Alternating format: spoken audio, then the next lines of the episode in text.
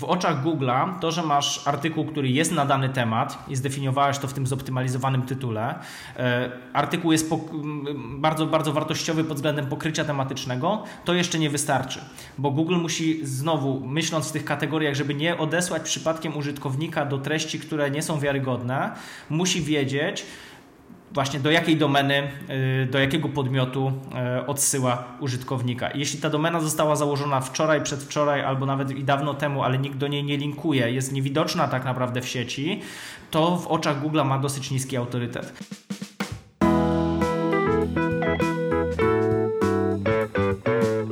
Jeżeli uważasz, że działania SEO prowadzą do tego, żeby to klient znalazł Ciebie, a nie żebyś Ty po całym internecie gonił klienta. A przede wszystkim od razu dał się znaleźć w Google, to jesteś w dobrym miejscu. Z dzisiejszego odcinka dowiesz się, jakie pytania zadają Twoi potencjalni klienci i jak to sprawdzić, jak określić Twoje słowa kluczowe i wartościowe treści, żeby właśnie klient nas znalazł, i trzecie, jakie są narzędzia do pozycjonowania SEO dostępne dla każdego przedsiębiorcy, który chce dobrze zbudować swoją markę w internecie. Kolejnym moim gościem jest Szymon Słowik. Żeby nie robić zbyt długich wstępów, po prostu powiem: Szymon, powiedz kilka słów o sobie. E, cześć. E, kilka słów o sobie. Ja tak nie za bardzo lubię mówić o sobie, no ale tak w skrócie to czym się zajmuję to jest SEO, e, Search Engine Optimization, czyli optymalizacja witryn pod kątem wyszukiwarek. E, w tym przypadku jest na to na rynku polskim przede wszystkim wyszukiwarka Google, która ma tam 97 czy 98% udziału w rynku. No i pod tym SEO się kryje wiele ciekawych e, aktywności, bo jest to taka dziedzina e, między mm, interdyscyplinarna, między takimi technicznymi zagadnieniami związanymi z web developmentem, klasycznym marketingiem, różnego rodzaju kwestiami związanymi z content marketingiem, o którym będziemy rozmawiać zamawiać. E, no i, i, i, w tym zakresie, w tym zakresie pomagam firmom e, od e, e-commerce'ów po blogi eksperckie, różnego rodzaju serwisy kontentowe. Prowadzę taką małą agencyjkę, taka oto. No i tak na co dzień tak naprawdę wokół tych tematów się, się wszystko kręci. Ja wiedziałam, że to tak będzie, że Szymon tak powie bardzo skromnie o sobie, więc ja już się na to przygotowałam i muszę dopowiedzieć, że Szymon jest świetnym ekspertem w swoim temacie, że agencja, która prowadzi, jest naprawdę pod wieloma względami ponadprzeciętna. Do każdego projektu podchodzą bardzo indywidualnie. Też się o tym przekonałam, będąc ich klientem, więc serdecznie e, polecam. Nasza rozmowa nie jest przypadkowa, bo z Szymonem spotkałam się na wielu branżowych konferencjach, na których e, Szymon występuje i opowiada świetne, e, świetne case'y, opowiada konkretnie i stąd w ogóle w podcaście Silna Marka w Praktyce, bo gdybym miała powiedzieć jedno słowo o Szymonie, to byłoby to, że zdecydowanie jest praktykiem w tym, co robi. I tak jak wspomniał, będziemy mówili o content marketingu, bo ten zakres, którym się zajmuję, ja określam jako co zrobić, żeby klient nas znalazł, żeby miał poczucie, że nas znalazł, ale co my możemy zrobić, żebyśmy zostali znalezieni? Taka strona bierna wyszła z tego, ale tak naprawdę chyba o to w tym wszystkim chodzi. E, dobrze, Szymon, to pierwsze pytanie. Jak możemy sprawdzić, jak sobie radzimy e, w zakresie content marketingu i tych działań e, zmierzających do tego, żeby klient nas odnalazł w internecie? W Google, bar- tak, konkretnie tak, w Google. Tak, bo właśnie bardzo fajnie, że tutaj to podkreśliłaś, to, mm, tą kwestię bycia znalezionym przez klienta. Bo content marketing jako dziedzina, może troszeczkę też taki nadużywany buzzword można powiedzieć, bo w pewnym momencie stało się to modne, żeby mówić o content marketingu, ale content marketing był, no mówi się od zawsze, tak, od kiedy mm, marketing istnieje, no jakieś nośniki zawsze, zawsze muszą być tu wykorzystywane. Natomiast content marketing można realizować zarówno w takim modelu audio outboundowym, czyli gdzie wychodzimy z tą treścią do klienta, na przykład tworzymy jakiś um, fajny artykuł i wysyłamy go do naszej bazy newsletterowej, czy e, tworzymy jakiś artykuł i reklamujemy go na Facebooku w formie jakiegoś promowanego posta. E, wiadomo, że wówczas też docieramy do jakichś osób, które no, wstępnie wyraziły zainteresowanie tematem, w jakiś sposób pozwoliły się stargetować, jednak no to my, my wybieramy ten moment, w którym docieramy do tego, do tego odbiorcy. Natomiast ten content marketing zorientowany na Google, na pozyskiwanie ruchu organicznego z wyszukiwarki, e, to jest typowy przykład, to jest kwintesencja inbound marketingu, e, czyli tego no to są to różne jakieś takie dziwne tłumaczenia, polski marketing przychodzący, no nie, nie ma za bardzo dobrego odpowiednika. W każdym razie inbound marketing sprowadza się do tego, że y, odpowiadamy na jasno określoną potrzebę odbiorcy, użytkownika, być może później klienta, tak, do tego się to sprowadza, y, w momencie, kiedy on zgłasza to zapotrzebowanie, kiedy on wpisuje konkretny problem, y, konkretne zapytanie do wyszukiwarki. I Tutaj ten content marketing, żeby, żeby w ogóle zacząć te działania, albo jeśli go prowadzimy w formie bloga, tak, co jest najbardziej takim typowym przykładem tego content marketingu zorientowanego na pozyskiwanie ruchu z wyszukiwarki, no najpierw musimy sobie odpowiedzieć na pytanie właśnie do kogo chcemy dotrzeć i w jakiej sytuacji chcemy do niego dotrzeć. Na jakie pytanie tak naprawdę chcemy odpowiedzieć. Bo możemy tworzyć świetne treści, które tak naprawdę no, mm, nie odpowiadają na żadne konkretne, jasno sprecyzowane pytanie, na, na żaden y, jasno określony problem. Y, to tak jak z kontentem w telewizji. Można stworzyć świetny program dokumentalny, tak? Krysta, y, czyta, czytała Krystyna Czubówna i tak dalej. Y, jakieś ikoniczne mm, programy znamy, które, no, w których się y, no, no, zaczytywaliśmy, to nie jest dobre słowo, ale siedzieliśmy zapatrzeni, o, o, oglądaliśmy jakiś świetny content, jakieś świetne wywiady, świetne talk show i tak dalej. I to był wartościowy content, tak? Tylko, że to, było, to, to był taki pasywny odbiór tego contentu, e, a nie odpowiedź na jasno określone pytanie. I, i, I to jest kwintesencja moim zdaniem tego podejścia, tego mindsetu, który y, tworząc takiego bloga eksperckiego um, trzeba w sobie wykształcić, żeby jasno sobie określić, na jakie pytanie odpowiadamy i żeby każdy element, każdy każda porcja tej treści, każdy wpis na blogu był taką jasno określoną odpowiedzią na dane pytanie, na dany problem, żeby był opisem konkretnego zjawiska, którego, o, o którym informacji poszukuje e, nasz odbiorca. I dopiero od tego możemy zacząć tą, tą, tą, tą przygodę, przygodę właśnie z pozyskiwaniem ruchu. To fajnie to powiedziałeś, bo tak, e, już od razu we mnie urodziły się dwie rzeczy e, w kontekście tych definicji, tak naprawdę, które tutaj e, zapodaliśmy. Że zobacz, że inbound robi jedną rzecz. Tak naprawdę, jeżeli tworzymy te treści, okazuje się z czasem, że przychodzi do nas klient, o którym w ogóle nie myśleliśmy, że może być naszym klientem, bo w ogóle tego nie przewidzieliśmy, tak? Natomiast, i to jest taka pozytywna niespodzianka, która się pojawia w momencie, kiedy ofensywnie tworzymy treści i e, próbujemy po prostu spowodować, żeby klient nas znalazł. E, powiedziałeś o tym, że grupa docelowa, o tym, żebyśmy wiedzieli, do kogo piszemy. A jak sprawdzić, jeżeli ja mam namierzoną grupę docelową, to jak to sprawdzić? Czy są jakieś narzędzia, jakieś sposoby na to, żeby sprawdzić, co tą moją grupę docelową interesuje, co w zakresie, w którym się poruszą, jakie ona pytania zadaje, co jest dla nich takim ważnym tematem? Mhm. Już odpowiadam. Generalnie chciałem też e, właśnie zarysować ten temat tych tematów, tej odpowiadania na jasno określone pytania, żeby przejść do kwestii słów kluczowych, czyli już takiego terminu stricte powiązanego z SEO, z tym co, co robię. Słów kluczowych, czyli fraz, które są wpisywane przez użytkowników wyszukiwarki, czyli, czyli tego, co de facto, do czego się sprowadzają te jasno nazwane potrzeby odbiorców. I oczywiście są do tego narzędzia, żeby to sprawdzać, żeby to weryfikować. E, bardzo częstym takim błędem poznawczym, e, zwłaszcza u ekspertów, jest to, że nam się wydaje, że skoro my się czymś zajmujemy, poświęciliśmy ileś miesięcy, lat, e, po prostu ciężkich godzin na to, żeby się czegoś nauczyć, żeby zostać w czymś ekspertem, żeby to sprawdzić w boju i potem świadczyć daną usługę, to, to my jesteśmy przekonani, że to jest bardzo jakieś popularne zagadnienie i, i każdy w tym temacie w naszej grupie docelowej musi tego szukać. No a rzeczywistość... Tak zwana klęska wiedzy, tak? Troszeczkę tak, troszeczkę tak. No, my jesteśmy zawsze gdzieś tam spaczeni tym, przez ten nasz obszar wiedzy. E, wydaje nam się, że to jest taki bardzo ważny temat, a może się okazać, że dla wielu osób on nie jest ważny, a nawet jeśli jest ważny, to nie zawsze to jest taka nazwana i uświadomiona potrzeba.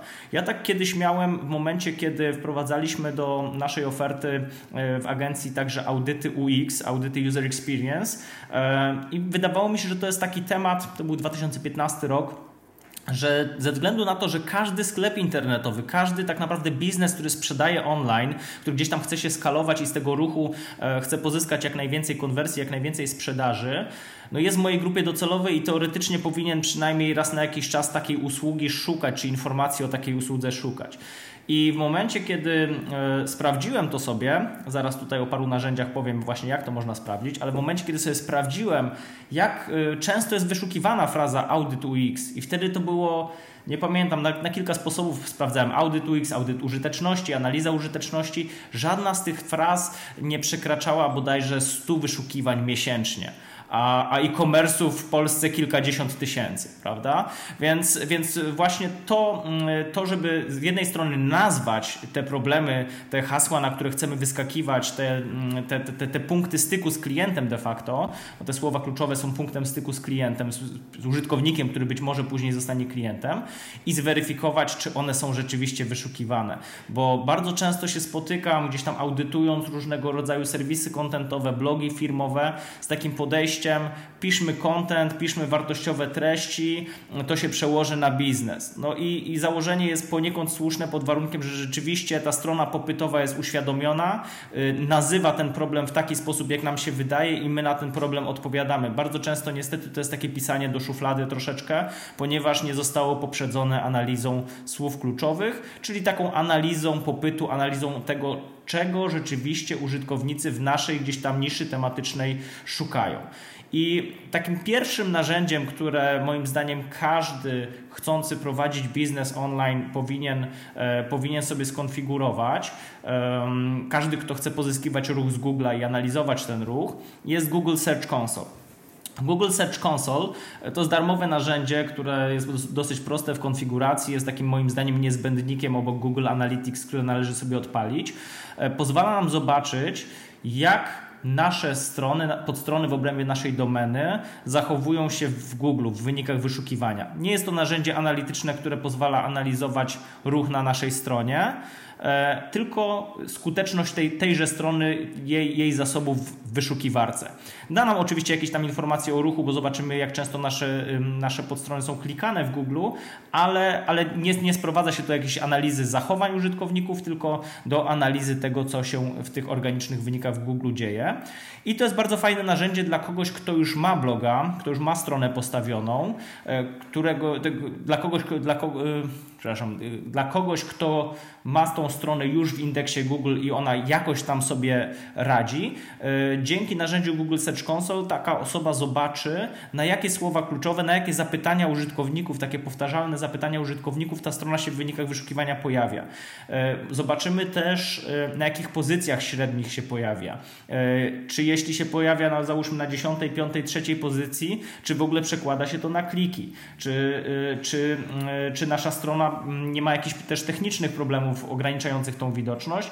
Moim zdaniem jest to takie, takie narzędzie, od którego warto zacząć. Natomiast problem polega na tym, że tego narzędzia nie jesteśmy w stanie odpytać o jakieś rzeczy, mm, które, których jeszcze nie opublikowaliśmy. Załóżmy, że chcemy e, opublikować artykuł pod tytułem, nie wiem, jak nagrać skuteczny podcast biznesowy dopiero chcemy się przymierzyć do tego, zobaczyć, czy ktoś szuka tego typu fraz, jak nagrać podcast, podcast biznesowy itd., tak itd. Tak Google Search Console nam tego nie powie, jeśli nie mamy opublikowanego już kontentu w tej tematyce. I tutaj niestety trzeba sięgnąć już po narzędzia płatne.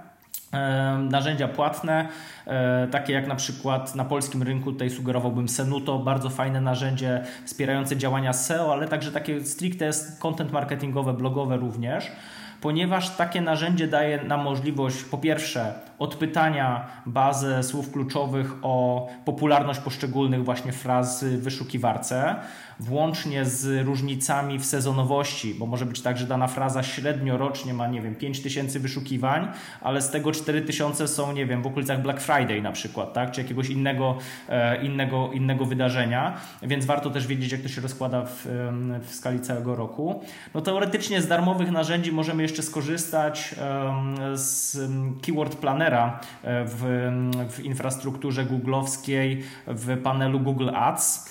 Tylko, żeby z tego skorzystać, również musimy mieć aktywną jakąś kampanię w Google Ads. Kiedyś można było bez, bez ograniczeń z tego korzystać, e, natomiast w tej chwili już od dłuższego czasu e, trzeba mieć odpaloną kampanię, żeby te dane były w miarę precyzyjne. W innym przypadku jakieś tam dane nam narzędzie zwróci, ale to będzie tak, będą takie dane, że na przykład dana fraza jest wyszukiwana między 100 a 100 tysięcy razy co nie jest zbyt precyzyjną informacją, jak chcemy sobie oszacować, jaki, jaki ewentualnie gdzieś tam e, ruch możemy uzyskać. Tak? Co więcej, takie narzędzia jak Senuto, bądź też substytutem na polskim rynku może być Semstorm, e, dają nam informacje o innych domenach, o, o domenach konkurencji czy o jakichś benchmarkowych serwisach w sieci, gdzie możemy sobie po prostu podać dowolną domenę i zobaczyć, na jakie słowa kluczowe ta domena się wyświetla, jaki jest mniej więcej estymowany ruch z tego słowa kluczowego z danej pozycji, dzięki czemu możemy też przez taki punkt odniesienia sobie e, zaplanować mniej więcej, mniej więcej swoje działania, swoje posty, taką metodą adaptacyjną, troszeczkę kopiowania konkurencji, też, też, też sobie ten content plan e, budować. Czyli co? Czyli wtedy, jeżeli ja widzę, że moja konkurencja jest skuteczna, to e, ja też powinnam produkować treści dokładnie na analogiczne tematy, jeżeli mi wyszło z tej analizy? To znaczy, wiesz, na dzień dobry nie wiesz, czy Twoja konkurencja jest skuteczna. Właśnie dopiero jak wrzucisz te domeny tych konkurentów e, w takim Senuto, zobaczysz na jakie słowa kluczowe oni się wyświetlają, na jakich pozycjach, może się okazać, że ktoś, kogo miałaś za konkurenta, bo jest właśnie ekspertem w Twojej tematyce, tak naprawdę nie jest Twoim głównym konkurentem w Google, bo na topowych pozycjach na przykład są jakieś portale ogólnotematyczne, jakieś duże, e, duże serwisy, które nie mają tych treści tak eksperckich, ale są one dobrze wypozycjonowane. Więc zawsze tutaj znowu ta kwestia tej klątwy wiedzy, kwestia jakiegoś takiego spojrzenia przez pryzmat danych, a nie własnych założeń tutaj się, tutaj się sprawdza, bo może się okazać właśnie, że kto inny jest Twoim konkurentem niż Ci się wydawało. No i wracając do Twojego pytania, tak, jeśli widzisz, że najwięcej ruchu dany serwis, który się w Twojej tematyce e, obraca, e, zdobywa z takich czy innych słów kluczowych, jeszcze do tego masz podgląd, jakimi konkretnie treściami, którymi postami, którymi podstronami oni robią te wyniki, no to masz e, czarno na białym, że jeśli ty byś była na ich miejscu, to byś miała tyle i tyle ruchu, prawda? E, nie wiesz, jaka jest skuteczność biznesowa oczywiście tych fraz, e, bo może być tak, że są frazy bardzo popularne, ale niekoniecznie dobrze konwertujące. Ale jednak, jeśli chcesz otworzyć ten swój lejek sprzedażowy, chcesz dotrzeć, zasięgowo potraktować temat i dotrzeć do jak największej y, grupy osób z Twojej grupy docelowej, no to jest to jak najbardziej słuszny, słuszny kierunek działania. Potem dopiero mając skonfigurowane takie narzędzia jak Google Analytics i mierzenie konwersji, możesz sobie zobaczyć, e, jak to potem się przekłada na właśnie, nie wiem, wysłane zapytania ofertowe przez formularz, czy jakieś zapisy do newslettera. To już jest kwestia troszeczkę bardziej zaawansowanej analityki, no ale to już Maciek Lewiński mógłby więcej na ten temat powiedzieć. E, I o tym powie. I o tym powie, miejmy nadzieję, tak? Więc, więc tutaj nie będę wchodził w szczegóły. E, natomiast, natomiast w tych działaniach, o których ja mówię, Przede wszystkim chodzi o to, żeby przyciągnąć ten ruch, otworzyć ten lejek, dotrzeć do tych ludzi i nawet na wczesnym etapie Customer Journey e, zacząć już budować ten wizerunek ekspercki, pokazać, że jeśli ktoś szuka nawet jakichś podstawowych definicji, podstawowych informacji w danej tematyce, pokazać, że my się na tym znamy, że mamy na dzień dobry jakiś encyklopedyczny content taki informacyjny, wprowadzający do tej tematyki, zachęcić go do tego, żeby się właśnie zapisał do newslettera, albo żeby przeczytał bardziej już zaawansowane treści, jakieś konkretne posty, które e, są skupione na konkretnym zagadnieniu, case'ie, sytuacji, branży itd., tak itd., tak, tak? Ale, ale posiadanie takich, takich e, encyklopedycznych treści na popularne słowa kluczowe na dzień dobry to jest jak najbardziej dobry kierunek, bo pozwala nam dotrzeć do jak największej liczby odbiorców. Dobrze, a mamy y, z pewnością mamy już jakieś treści.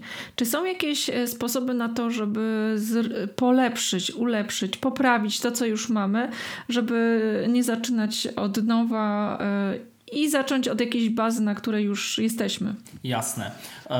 To jest, to jest bardzo dobre pytanie i ja często współpracując z, firmami, które mają swoje jakieś takie blogi, nie wiem, czy to w ramach SaaSów, czy e-commerce'ów, czy, czy, czy jakichś marek po prostu eksperckich, często, często zwracam uwagę na to, że recycling treści, czyli zadbanie o, te, o ten content, który pisali przez ostatnie 3 lata, może mieć dużo większe przełożenie na efekt niż teraz pisanie od nowa e, tych treści. Tym bardziej, że pewnie część z nich mimowolnie, może nieświadomie, ale targetowała, targetowała jakieś słowa kluczowe, które mogą być popularne. I jak najbardziej sprawdzenie tego właśnie w Google Search Console wcześniej wspomnianym e, może pozwolić zdiagnozować taką sytuację, że mamy jakiś wpis, który wyświetla się w wynikach wyszukiwania na jakieś popularne słowo kluczowe, ale na 48 pozycji. Tak?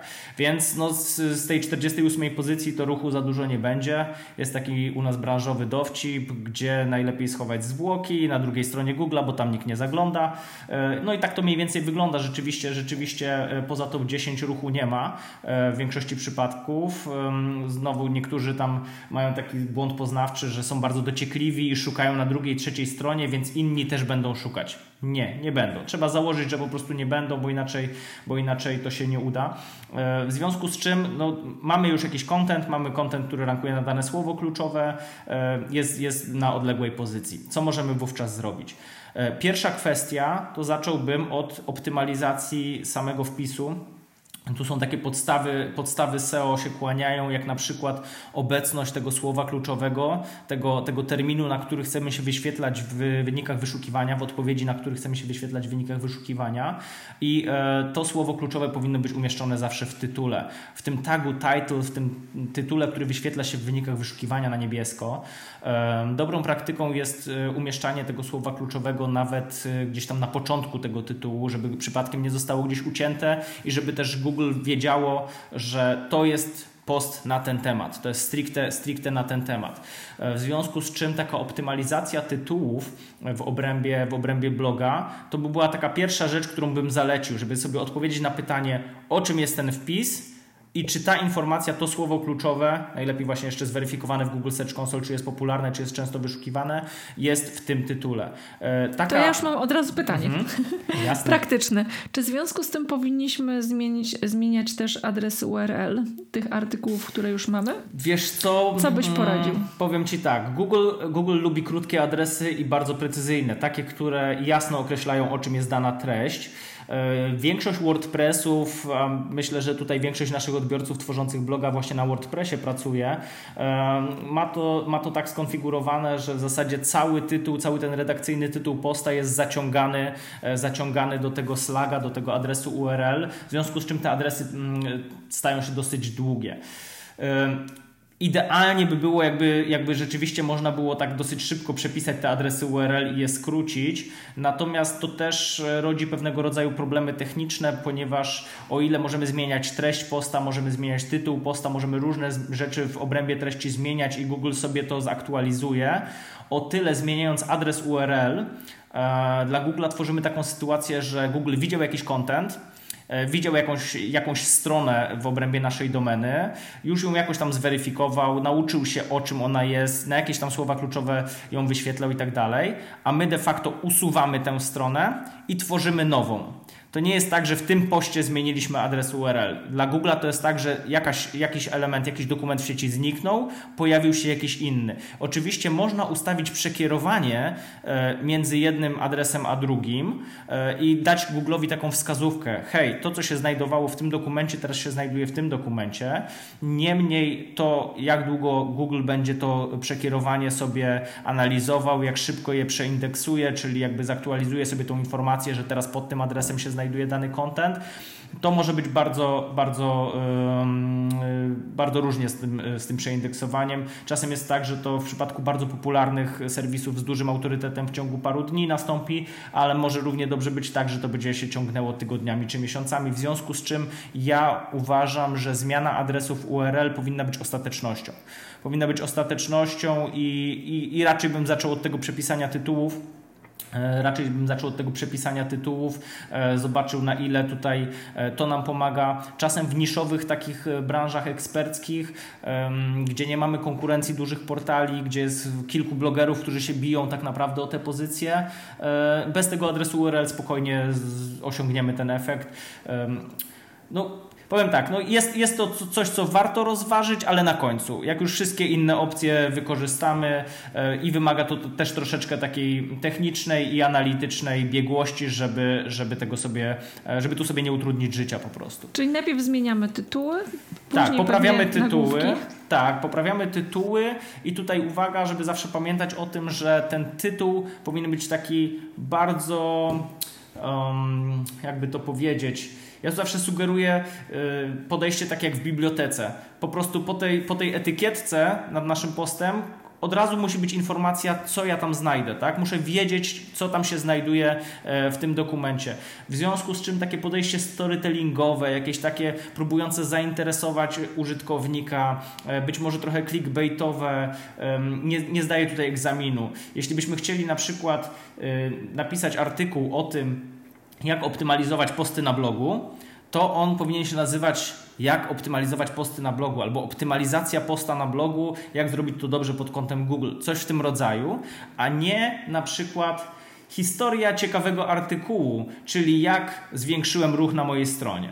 No bo taki redakcyjny artykuł mógłby tak brzmieć i de facto sprowadzać się do opowiedzenia o tej optymalizacji posta, prawda? Ale dla, dla Google'a, a co za tym idzie też dla użytkownika, który szuka według hasła, nie wiem, optymalizacja posta, optymalizacja bloga, to byłoby nie do połączenia. W związku z tym bardzo jasny, klarowny tytuł to jest absolutnie, absolutnie punkt wyjścia do tego, żeby, e, żeby taka strona, taka podstrona się dobrze pozycjonowała na dane hasło. E, I tutaj też ważna uwaga, w momencie, kiedy byśmy robili sobie taki przegląd istniejących treści na blogu, to warto sobie nawet stworzyć takiego Excela, jakiś prosty arkusz, do każdego artykułu przypisać to nadrzędne słowo kluczowe, to główne słowo kluczowe, na które chcielibyśmy się wyświetlać i sprawdzić, czy przypadkiem nie mamy takiej sytuacji, że wiele artykułów, które opublikowaliśmy już wcześniej, jest o tym samym. Bo Google nam nie wyświetli, jeśli będziemy mieć 10 artykułów na dany temat, to Google nie wyświetli ich w top 10 wszystkich, tak? On wyświetli... On sobie na... wybierze? On sobie wybierze, tak. On sobie wybierze. Nie zawsze wybierze ten, który by, my byśmy chcieli, bo uważamy, że jest najlepszy i nie zawsze, um, nie zawsze wyświetli go na takiej wysokiej pozycji, um, jakby to miało miejsce, gdyby nie miał tego dylematu. W momencie, no to kiedy... mnie zaskoczyłeś, szczerze mówiąc. Znaczy ja ostatnio o tym usłyszałam i tak sobie myślałam, nie, no to nie może być prawda. No bo przecież... To jest tak zwana kanibalizacja. Jeżeli, mhm. No jeżeli ja jestem ekspertem w danym temacie, no to ja mogę pisać o tym i pisać i pisać i, i, i co? I tak, Google będzie mnie za to karał? No wiesz, chodzi o to, żeby każdorazowo dać jasną odpowiedź na pytanie. Czyli jeśli ja na przykład szukałbym jakichś treści, y, które potencjalnie znajdują się u Ciebie, tak? szukałbym informacji, jak docierać do klientów przez LinkedIna na przykład, tak? jak zwiększać sprzedaż przez social media. Y, I na Twoim blogu jest 20 artykułów na ten temat. Ja nie wiem od czego zacząć. Tak? Dobrze by było, jakbyś miała artykuł pod tytułem jak sprzedawać przez LinkedIna, a potem jak kontaktować się z odbiorcami, nie wiem, w bezpośrednich wiadomościach, jak wykorzystać siłę e, swojej wizytówki na LinkedInie do budowania autorytetu i tak dalej, i tak dalej. Ty możesz się kręcić wokół tego tematu, ale każdy wpis powinien być taką osobną, kompletną porcją wiedzy na jakieś jedno zagadnienie. Nie? Ja mam taki mm, przykład u mnie na blogu. U mnie najpopularniejszy wpis na blogu szymonsłowik.pl e, to jest wpis, który nosi tytuł SEO, myślnik, co to jest. Czyli taki wprowadzający. Naprawdę? Oczywiście. Ojej. E, I rankuję tutaj y, dumnie mogę powiedzieć na pierwszym miejscu od, od bardzo dawna na hasło SEO po prostu jest, y, jestem z tym wpisem na pierwszym, drugim miejscu, czasem Wikipedia gdzieś tam przeskakuje. E, natomiast natomiast to jest, to jest taki wpis, który wprowadza w ogóle do tego zagadnienia. Ktoś wpisuje SEO. A czy SEO, on jest? konwertuje ci mocno? Czy widzisz, Nie, że po nim nie. po prostu ktoś, e, ktoś zostaje u ciebie? Masz tam ustawiony jakiś zapis na newsletter? Znaczy, E, powiem ci Co tak. zrobiłeś z tym wpisem?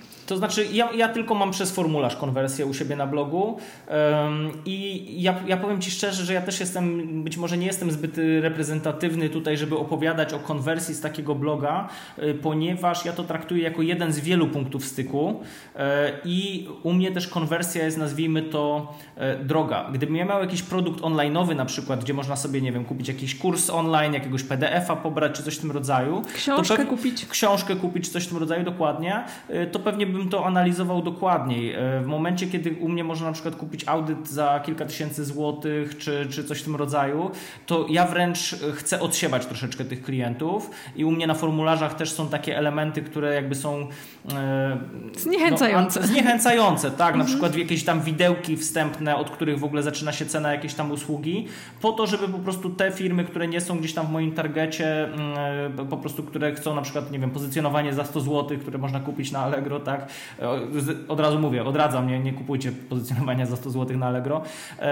Po prostu, po prostu sobie odsiewam, bo, bo już nauczony doświadczeniem z takich właśnie ogólnych fraz em, wiem, że, że dobrych klientów, dobrych klientów statystycznie nie ma. Tak samo wypozycjonowałem się do top 10 na hasła pozycjonowanie, pozycjonowanie stron, czyli stricte nazwa mojej usługi i też dobrych, w większości przypadków dobrych konwersji z tego, e, z tego nie było. Natomiast wracając do tego tematu, e, tego planowania tytułów, tak, czy w ogóle architektury informacji w obrębie serwisu, e, mam ten artykuł, co to jest SEO i w zasadzie mój cały blog praktycznie jest o SEO, tylko że każdy inny wpis, zresztą wiele tych wpisów jest podlinkowanych z tego artykułu wprowadzającego, traktuje na troszeczkę inny temat. E, Traktuje na przykład na, na, na temat, nie wiem, e, linkowania do strony, optymalizacji architektury informacji, czyli właśnie tego, o czym rozmawiamy, różnych aspektów SEO, ale nie jest to 10 wpisów, które mają odpowiadać na pytanie, co to jest SEO. Nie?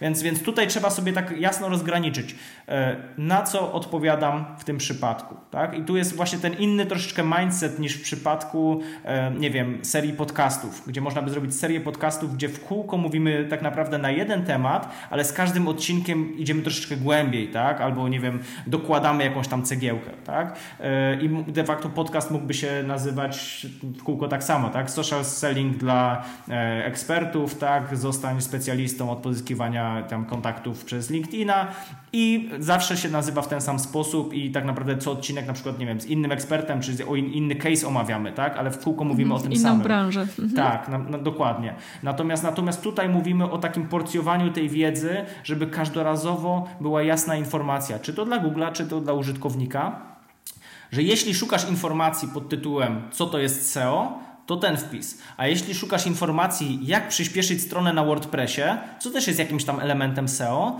to mamy dokładnie na, to, na tą kwestię, na to pytanie odpowiedź w innym wpisie. I takie właśnie zrobienie sobie takiej listy i zweryfikowanie, czy każdy artykuł jest na nieco odrębny temat, em, pozwoli nam uniknąć tejże kanibalizacji, czyli tego, że kilka wpisów nam rywalizuje na to samo słowo kluczowe w Google, przez co nie, być może nie wykorzystujemy potencjału.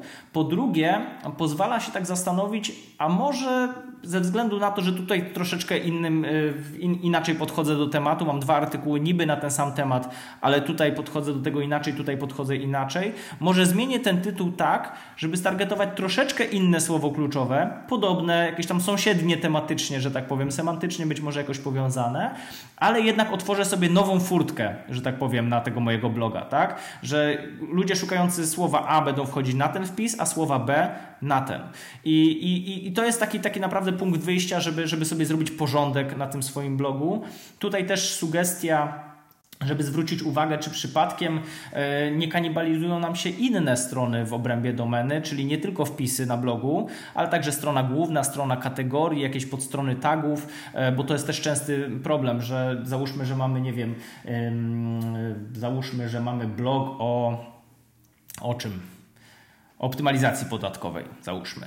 E, no i mamy mm, blog o optymalizacji podatkowej. Strona główna jest zatytułowana Optymalizacja podatkowa Jan Kowalski, tak, bo to jest jakby taka strona wizytówkowa. E, potem mamy e, podstronę bloga, który jest zatytułowany Optymalizacja podatkowa myślnik blog. E, potem mamy kategorię optymalizacja podatkowa i trzy artykuły na ten temat. Tak? Nawet jak zrobimy sobie porządek w tych artykułach i tylko jeden będzie odpowiadał na hasło optymalizacja podatkowa, to wciąż mamy e, stronę główną, stronę bloga i stronę kategorii, które mają ten sam tytuł albo bardzo zbliżony, to samo słowo kluczowe na początku. E, cały bardzo fajny, wydaje mi się, artykuł napisałem na ten temat. Bardzo fajny, nie dlatego, że mi się podoba, tylko spotkał się z fajnym feedbackiem u siebie na blogu, więc myślę, że w tych materiałach potem pod podcastem tak, materiał będzie pod można to, on się pojawi. to sobie doczytać i, i, i, i dokładniej sobie zobrazować, na czym to planowanie architektury informacji, unikanie kanibalizacji e, polega. Ale dzięki za to porównanie, bo dla mnie, mam nadzieję, że dobrze to zrozumiałam. E, teraz widzę Google raczej jako taką kartotekę, takie archiwum, gdzie są w, w poszczególne e, nie wiem jak się nazywają, te takie książeczki, gdzie się wkłada dokumenty. Kartoteki powkładane foldery są... takie. Tak, w takie foldery mhm. dokładnie są powkładane e, poszczególne teksty i, I, I, jakby do tego dążymy do pewnego porządku i ułatwienia te, e, znalezienia Google'owi tego, niż e, stworzenie artystycznego nieładu, który z zewnątrz może ciekawie wyglądać, a niekoniecznie był, będzie łatwy do przeczesania. Dokładnie, dokładnie tak. To jest dobre porównanie, bo, bo trzeba, trzeba właśnie taki mindset Google'owy sobie wytworzyć, troszeczkę zrozumieć, jak to działa. Może nie bez, może pomijając szczegóły technologiczne, ale właśnie, żeby tak sobie zobrazować, jak ta mechanika wygląda wygląda. I no, Google działa w oparciu o swój indeks, czyli taką ogromną bazę wiedzy, w którym ma e, wszystkie, wszystkie te zasoby, które wyskakują w wyszukiwarce, no, wcześniej zostały jakby wyciągnięte z tego indeksu. Google w ciągu tam tej, tego ułamka sekundy po wpisaniu naszego zapytania w wyszukiwarkę e, musi szybciutko sprawdzić, aha, pod hasłem, nie wiem, wyważanie, e, wyważanie opon, tak, przepraszam, wyważanie kół, musi sprawdzić, jakie strony są na ten temat, są stricte na ten temat, jakie mają autorytet określony, nie wiem jeszcze dodatkowo w jakiej lokalizacji się znajdują i dać tą odpowiedź, a nie e, wrzucić na przykład co ciekawego w tym tygodniu się wydarzyło w tej dziedzinie jakiejś tam aktywności gospodarczej, tak? Więc to nie jest, nie jest takie żurnalowe podejście, nie social mediowe, e, na zasadzie co ciekawego możemy znaleźć w danej tematyce, tylko jasna odpowiedź na zadane pytanie. No dobrze, e, powiedziałeś o tytułach, powiedziałeś o nagłówkach, powiedziałeś o takim właśnie googlowym mindsetie. Co jeszcze można, może zrobić e, przedsiębiorca, który chce wpłynąć na swoją pozycję w Google? E, i nie osiwieć przy tym. Już mówię, już mówię. Tutaj, tutaj jest to dosyć wdzięczny temat właśnie dla, dla ekspertów w, w swoich dziedzinach, którzy piszą blogi eksperckie. E, ponieważ taką kolejną rzeczą po zoptymalizowaniu tego tytułu, czyli zdefiniowaniu na jakie słowa kluczowe, na jaki temat chcemy się pojawiać w wynikach wyszukiwania, kluczową kwestią jest zoptymalizowanie czy też rozwinięcie swojego kontentu tak, żeby pokrywał ten temat. E, pokrycie tematyczne no można sobie różnie definiować, e, natomiast, natomiast generalnie chodzi o to, że Google chce odsyłać swoich użytkowników do treści, które wyczerpują temat, do treści, które są użyteczne w danej y, tematyce. I Google nie jest w stanie zweryfikować, czy w danej tematyce ty jesteś lepszym ekspertem, czy ja, czy ktośkolwiek inny, kto ma post na dany temat ale może w jakiś sposób sobie zniwelować ryzyko, że odsyła użytkownika do słabej treści poprzez właśnie zweryfikowanie, czy ta treść jest mocno na temat. I to znowu, tutaj można, można wpaść podpowiesz w taką nam jak po, Podpowiesz tak. nam słuchaczom, jak Google myśli, tak? Tak, mniej więcej. Tak, Super. do tego się to okay. sprowadza. Um, problem polega na tym, że bardzo często wpadamy w taką pułapkę, że jako eksperci myślimy sobie, o, napiszę najbardziej innowacyjny tekst na dany temat, e, zaprezentuję najnowszą metodę rozwiązywania jakiegoś problemu i Google to doceni. No niekoniecznie, bo właśnie opisaliśmy nowe podejście do tematu. Google nie zna tego zagadnienia, nie wie, czy ono jest tym obowiązującym, tym najważniejszym. I Google będzie bardziej premiował treści, które są powiedzmy e, może nawet płytkie, jeśli chodzi o poziom eksperckości, ale encyklopedyczne, w sensie, że poruszają to zagadnienie od różnych stron, e, wszystkie, wszystkie główne kwestie związane z tym zagadnieniem e, poruszają. Czyli jeśli na przykład mamy, nie wiem, bloga eksperckiego o, nie wiem, diecie przy chorobach tarczycy na przykład, tak? To jeśli napiszesz y, artykuł na blogu, który właśnie proponuje jakieś innowacyjne rozwiązanie, że codziennie rano musisz podskakiwać na lewej nodze i w tym czasie, nie wiem, zjeść banana i wtedy będziesz mieć efekty tej diety, no to fajnie, że to jest najskuteczniejszy, najnowszy i najlepszy sposób na, na radzenie sobie z problemem, ale Google będzie oczekiwał, że, że treść, która odpowiada na hasło yy, dieta w chorobach tarczycy, będzie mówił w ogóle jak podejść do zdrowej diety, jakie choroby tarczycy w ogóle mamy tutaj na tapecie, e, jak to wpływa na dietetykę, na odżywianie, na nadwagę, na różne tam kwestie związane ze zdrowiem. I dopiero takie pełne poruszenie tych wszystkich zagadnień, chociażby zarysowanie ich wstępnie, e, daje nam możliwość e, wyskakiwania wysoko na te, na te mm, słowa kluczowe. W związku z czym e, zawsze należy zaplanować to jak najobszerniejsze pokrycie tematyczne. I tutaj są dwa sposoby, e, żeby to zrobić dobrze.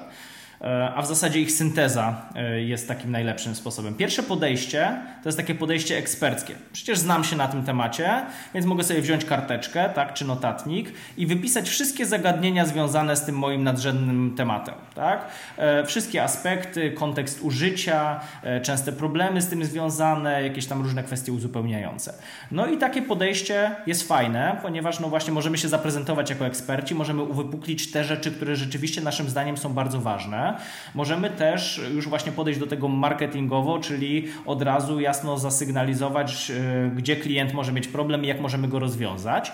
I to jest bardzo fajne podejście, jeśli nie mamy narzędzi analitycznych. Natomiast właśnie te narzędzia analityczne, takie jak chociażby wspomniane Senuto, e, daje nam jeszcze dodatkowo dane, czyli nie musimy zgadywać, jakie słowa kluczowe będą ważne, jakie, jakie słowa uzupełniające ten temat będą ważne, tylko możemy to sprawdzić. A skąd I, on to wie? Mm, już mówię. Otóż tutaj będziemy, nie, nie chcę wchodzić w jakieś takie bardzo zaawansowane technologiczne kwestie, natomiast Google e, publikuje różne patenty na temat tego, jak e, analizuje treści, jak, jak sobie w ogóle e, interpretuje kontent tekstowy. I mm, jednym z takich aspektów funkcjonowania wyszukiwarki jest analiza word to vector, czyli przekładanie sobie słów, jakichś pojęć, które my sobie interpretujemy jako ludzie, e, dodając do nich jakieś tam znaczenie, e, na język matematyczny. Na język matematyczny, na wektory, dzięki czemu mm, jest w stanie e, określić stopień powiązania między poszczególnymi słowami. I na przykład dla, dla słowa, nie wiem, pizza, słowami, które będą blisko powiązane tematycznie będzie pizzeria, dostawa, margarita, Włochy, sos pomidorowy, sos pomidorowy oliwa, dokładnie, tak? Przepis, receptura, ciasto i tak dalej, i tak dalej. W zależności też od tego, czy to jest, nie wiem, oferta pizzerii, czy, czy, czy przepis, to tak czy siak możemy sobie ileś tych takich haseł um, oczywistych mniej lub bardziej wypisać e, nie wiem, pizza z pieca opalanego drewnem, to, to może być taka fraza, która będzie bardzo ważna. E, możemy sobie po prostu to sprawdzić. E, za pomocą właśnie takich narzędzi, które niejako też odtwarzają tą metodę word to vector, czyli analizują sobie, jakie jest powiązanie poszczególnymi, między poszczególnymi frazami i te narzędzia, ani Google, ani te narzędzia nie mają własnego rozumu, żeby sobie wymienić właśnie z czego składa się pizza, ale one analizują częstotliwość współwystępowania pewnych słów w sieci.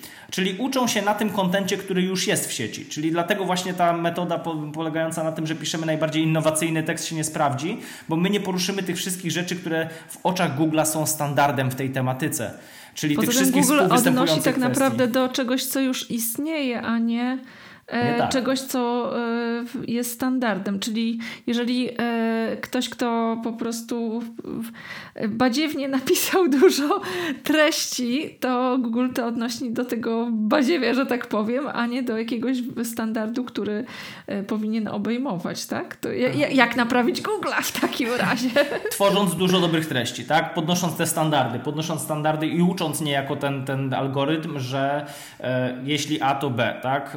E, konkretnie konkretnych, konkretnych jakichś e, pojęć, konkretnych definicji, konkretnych zależności, bo no, tak jak mówię, no Google analizuje współwystępowanie pewnych haseł, jeśli zobaczy, że piszesz o, e, nie wiem, wycieczkach e, w Tatrach, bo masz na przykład jakiś blog turystyczny i nie pada tam hasło, nie wiem, Giewont, albo Morskie Oko, albo Krupówki, to, to uzna, że, że tak, że twój content nie jest na temat, bo w 99% przypadków, jak pojawia się w internecie hasło wycieczki w Zakopanem, czy nie wiem, turystyka w Tatrach, Tatrach, to pada hasło morskie oko, po prostu. I dla Google'a to już jest takim wyuczonym standardem.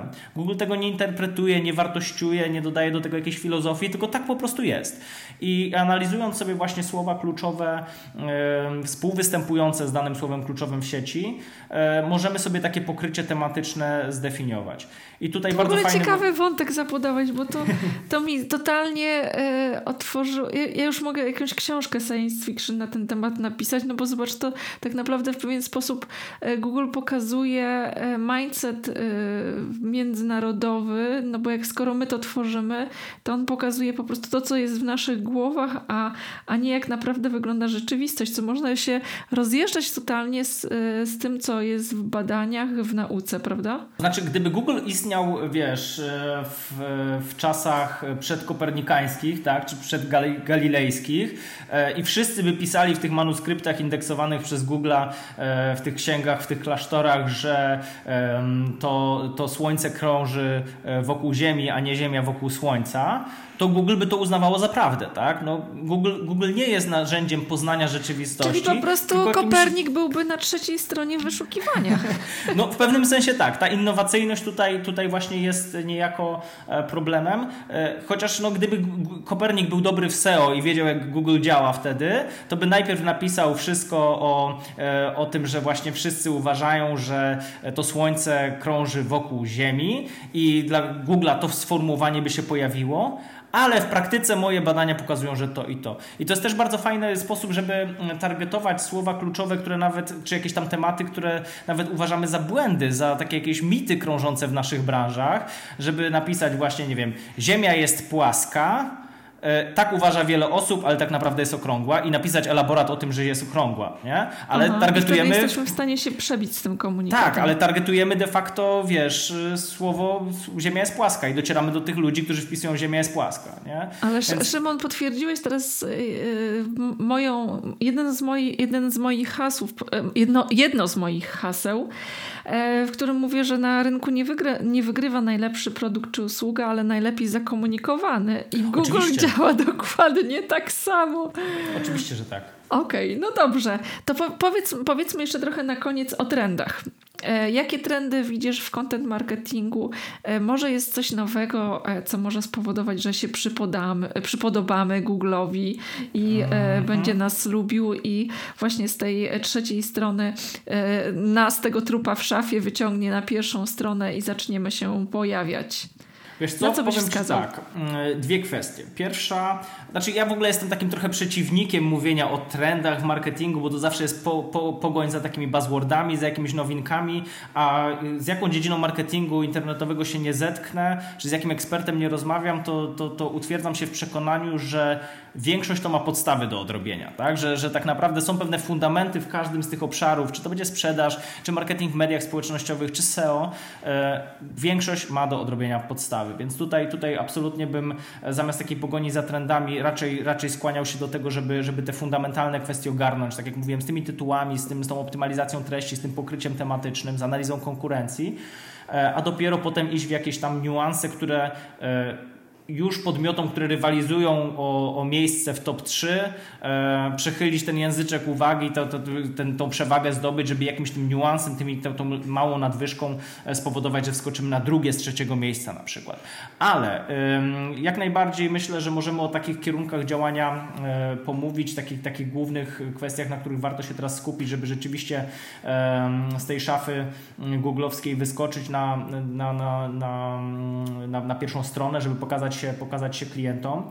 I tutaj tak, po pierwsze rosnąca rola analitycznego podejścia do content marketingu czy do SEO. Wspomniane narzędzia typu Google Search Console, ale też Senuto, analiza tych słów e, pokrewnych, zależnych, które, które budują nam to pokrycie tematyczne, analiza konkurencji, bardzo fajne narzędzie też w Polsce e, rozwijane Surfer SEO, które pozwala analizować frazy konkurencji gdzieś wysoko pozycjonujące się w danej tematyce i przez to właśnie takie pokrycie tematyczne sobie definiować. To jest, jest ważne i to jest, widzę tutaj też rosnącą świadomość content marketerów, którzy wiedzą, że należy na to postawić. My też bardzo mocno współpracując z klientami stawiamy na takie analityczne podejście na tworzenie content planów, nie w oparciu o jakąś naszą kreację, strategię taką, nie wiem, storytellingową, czy fajnie by było jakąś narrację wokół jakiegoś wątku ułożyć i piszmy takiego bloga, tylko właśnie sprawdźmy, jakie słowa kluczowe, podzielmy te tematy, przypiszmy frazy pomocnicze. Takie analityczne podejście się po prostu bardzo dobrze sprawdza. Kolejna kwestia to trochę odczarowanie tego content marketingu z takiego podejścia e, piszmy wartościowe treści, a Google to doceni, czy jakakolwiek inna wyszukiwarka, czy jakiekolwiek inne medium. E, to nie do, końca, nie do końca tak wygląda, bo większość czasu tutaj rozmawialiśmy o tworzeniu i optymalizacji tej treści istniejącej na blogu, ale nie mówiliśmy w ogóle o dystrybucji tych treści.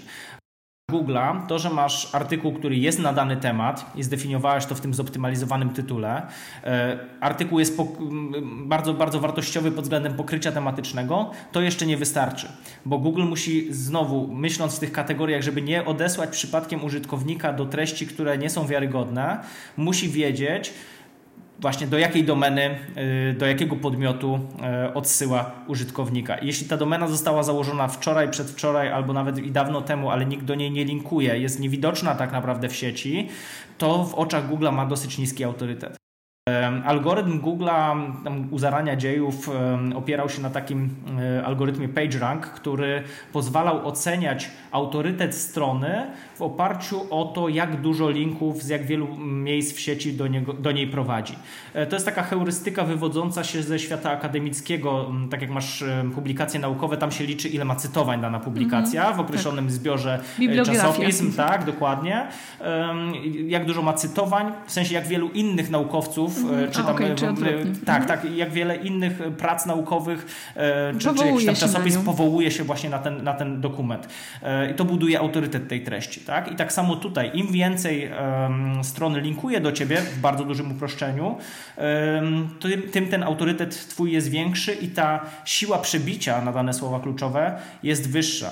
I czasem może mieć super eksperckiego bloga, ale jeśli do niego nie prowadzą linki z innych stron, to niestety się nie przebijesz. Dlatego też e, tutaj bardzo zalecam i właśnie dla, mm, dla blogerów, dla ekspertów, którzy nie mają jakby tej bariery, żeby tworzyć treści, zalecam takie podejście żeby pozyskiwać te linki, pozyskiwać te, te, te sygnały budujące autorytet naszej strony poprzez wpisy gościnne, poprzez guest blogging, tak? Być może mamy 10 y, zagadnień albo 5 zagadnień, na które chcemy w tych Google'ach całych wyskakiwać. Już artykuły na ten temat napisaliśmy, zoptymalizowaliśmy je. No nie będziemy tworzyć dodatkowych 50 artykułów na tematy, którymi się nie zajmujemy, bo, bo po co, prawda? Można ten sam temat, ten, ten, ten sam nasz core naszej działalności, ten, ten temat, którym się ekspercko zajmujemy, możemy wałkować niemalże w nieskończoność na innych serwisach. E, na forach tematycznych, e, u różnych innych zaprzyjaźnionych blogerów z sąsiednich dziedzin. Wiadomo, że konkurencja bezpośrednia nas nie wpuści, żebyśmy publikowali jakieś tam gest posty, ale czasem jest tak, że to nie jest nasza konkurencja, że to jest po prostu jakiś tam e, inny model biznesowy, który traktuje na ten sam temat, jakaś zaprzyjaźniona firma, jakaś sąsiednia dziedzina naszej aktywności. Blogerzy prawniczy na przykład często tak robią. Miałem takiego klienta, który zajmował się znakami towarowymi i on pisał wpisy gościnne też na innych serwisach, które zajmowały się na przykład tworzeniem logo. Tak? On się zajmował prawną ochroną logo, a współpracował z agencją kreatywną, która te logo tworzy. I tu jakby te, te mimo że, Pewna mimo, że tak jakby, się pojawiła. Tak, efekt synergii się po, pojawiał i dzięki temu na, y, mógł pisać o tej ochronie tego logo w serwisach powiązanych tematycznie y, i pojawiać się po prostu z jakimś takim gościnnym kontentem. Raz docierać do odbiorców tamtego bloga, tamtej firmy, tamtego eksperta, a po drugie zdobywać tego linka, bo wiadomo, publikując taki artykuł gościnny gdzieś tam zawsze był podpisany tak, z linkiem do swojej strony. E, więc, więc tutaj, tutaj tak, taka taktyka wydaje mi się e, czymś bardzo wartym uwagi, e, bardzo, bardzo istotnym w tych działaniach content marketingowym, content marketingowych, żeby tworzyć ten najbardziej wartościowy, wyczerpujący content u siebie na stronie, ale też nie zapomnieć o tym, żeby, żeby te linki z innych stron zdobywać. Tutaj też istotna uwaga, linki z mediów społecznościowych tej roboty nie zrobią, to muszą być inne blogi zindeksowane w Google, normalny taki HTML-owy content, więc mówię, guest blogging jest chyba tutaj najlepszym podejściem. Różnego rodzaju inne akcje związane, nie wiem, z angażowaniem się w jakieś konferencje, różnego rodzaju eventy, gdzie, gdzie się pojawiamy fizycznie, e, też powinny być pretekstem do tego, żeby zawsze zadbać o to, żeby ten link do tej mojej, mojej strony prowadził. E, więc, więc tutaj te, dwa, te dwie kwestie, tak? czyli analityczne podejście, czyli świadome pisanie na tematy, których rzeczywiście ktoś szuka, po drugie, właśnie promocja tego swojego bloga, promocja tych swoich treści poza własną domeną, żeby budować ten, e, ten autorytet. Wydaje mi się, że to jest, to jest istotne. Jeszcze taką jedną rzecz sobie zanotowałem, o której chciałem wspomnieć e, i to wydaje mi się, że to też troszeczkę się wpisuje, jakby jako taka klamra zamyka, zamyka ten wątek, bo spotkaliśmy się tutaj, żeby rozmawiać o optymalizacji blogów, ale nie robimy tego w formie jakiegoś, nie wiem, wywiadu, który będzie potem opisany na blogu, blogu, tylko w formie podcastu. I oczywiście trendami w content marketingu są nowe formaty, są od już dawna tak format wideo, bardzo ważny w, w mobilu, tak, podcasty coraz, coraz mocniej się przebijają, zwłaszcza te podcasty biznesowe. E, w związku z czym chciałbym tutaj zasugerować, żeby zawsze pomyśleć o tym tak, żeby wykorzystać dany content właśnie w różnych kanałach, żeby wykorzystać ten efekt synergii. Jeśli mamy podcast, to możemy go umieścić z jednej strony w jakichś tam serwisach właśnie jakichś iTunesach, jakimś, jakimś Spotify, w różnych miejscach, gdzie typowo się słucha podcastów, ale możemy również wrzucić go z jakimś tam, z jakimś, jakąś grafiką, jako ze ślepką e, na YouTube, tak? czyli, czyli w miejsce, gdzie ludzie konsumują kontent graficzny, ale też często kontent audio tylko i wyłącznie. Możemy zrobić, nie wiem, transkrypcję tego e, podcastu i ten cały tekst, tą naszą rozmowę wrzucić jako tekst na bloga, tak, który sobie Google, Google sobie zobaczy. I oczywiście użytkownik, który będzie wpisywał hasło jakieś tam związane z content marketingiem, z optymalizacją blogów eksperckich i tak dalej, trafi na taki wpis i chętnie pewnie kliknie y, jakiś tam osadzony odtwarzacz podcastu, zamiast czytać całą tą rozmowę, ale opublikowanie tego kontentu tekstowego jednak pozwoli w ogóle do tej osoby dotrzeć, tak? Właśnie inboundowo, a nie outboundowo, nie? Więc, więc y, łączenie tych formatów wydaje mi się też fajnym, fajnym rozwiązaniem. No i e, drodzy słuchacze, jak widzicie, próbowałam wymusić na Szymonie, żeby powiedział, jak to zrobić, żeby zrobić siedem kroków pięć razy machając nogą, ale niestety nie udało się. Jeden nie udało trik. się, nie udało się, nie, nie ma łatwych trików. Wracamy do podstaw, robimy solidnie, konkretna robota, porządnie.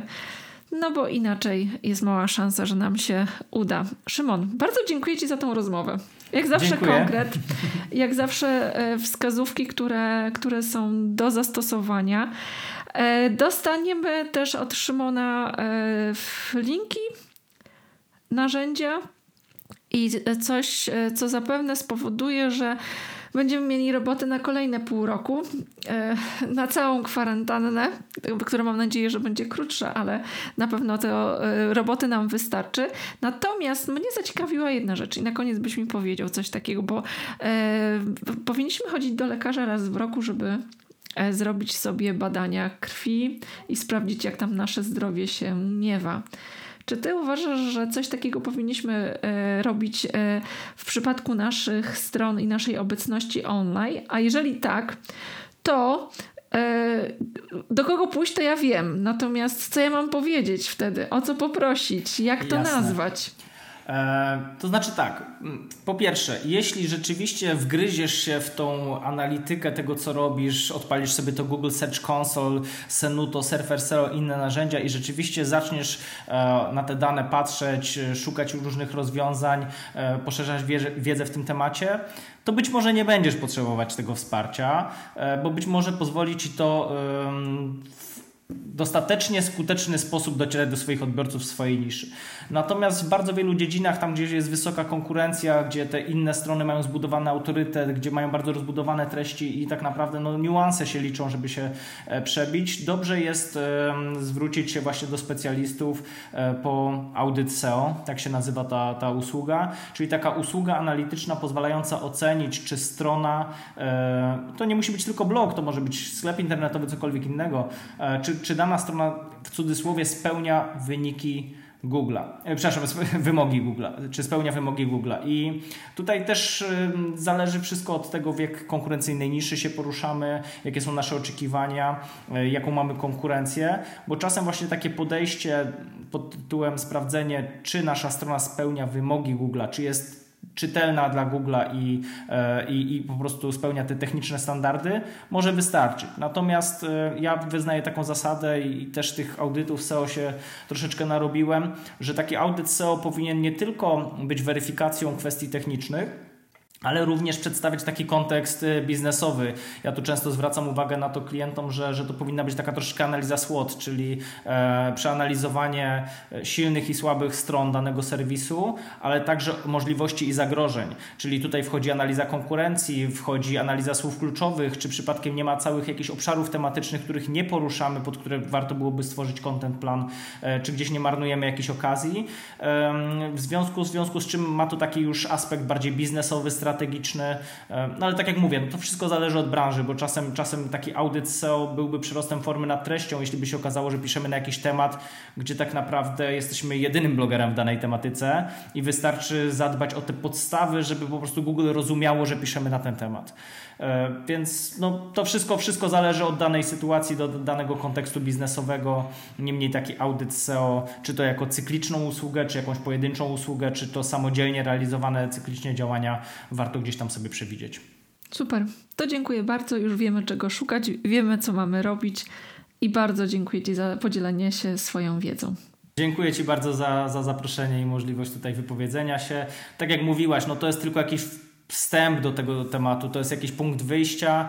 E, niestety nie ma prostych trików, nie dawajcie się na, nabierać na proste triki, jeden tajny trik, żeby być na top 1 w Google, bo to tak nie działa. Natomiast no, odpowiedni mindset i, i, i analityka i pogłębianie tej wiedzy to, to na pewno jest kierunek, który pozwoli docierać skutecznie do klientów wyszukiwarki. Dzięki bardzo. Do usłyszenia. Dzięki, cześć.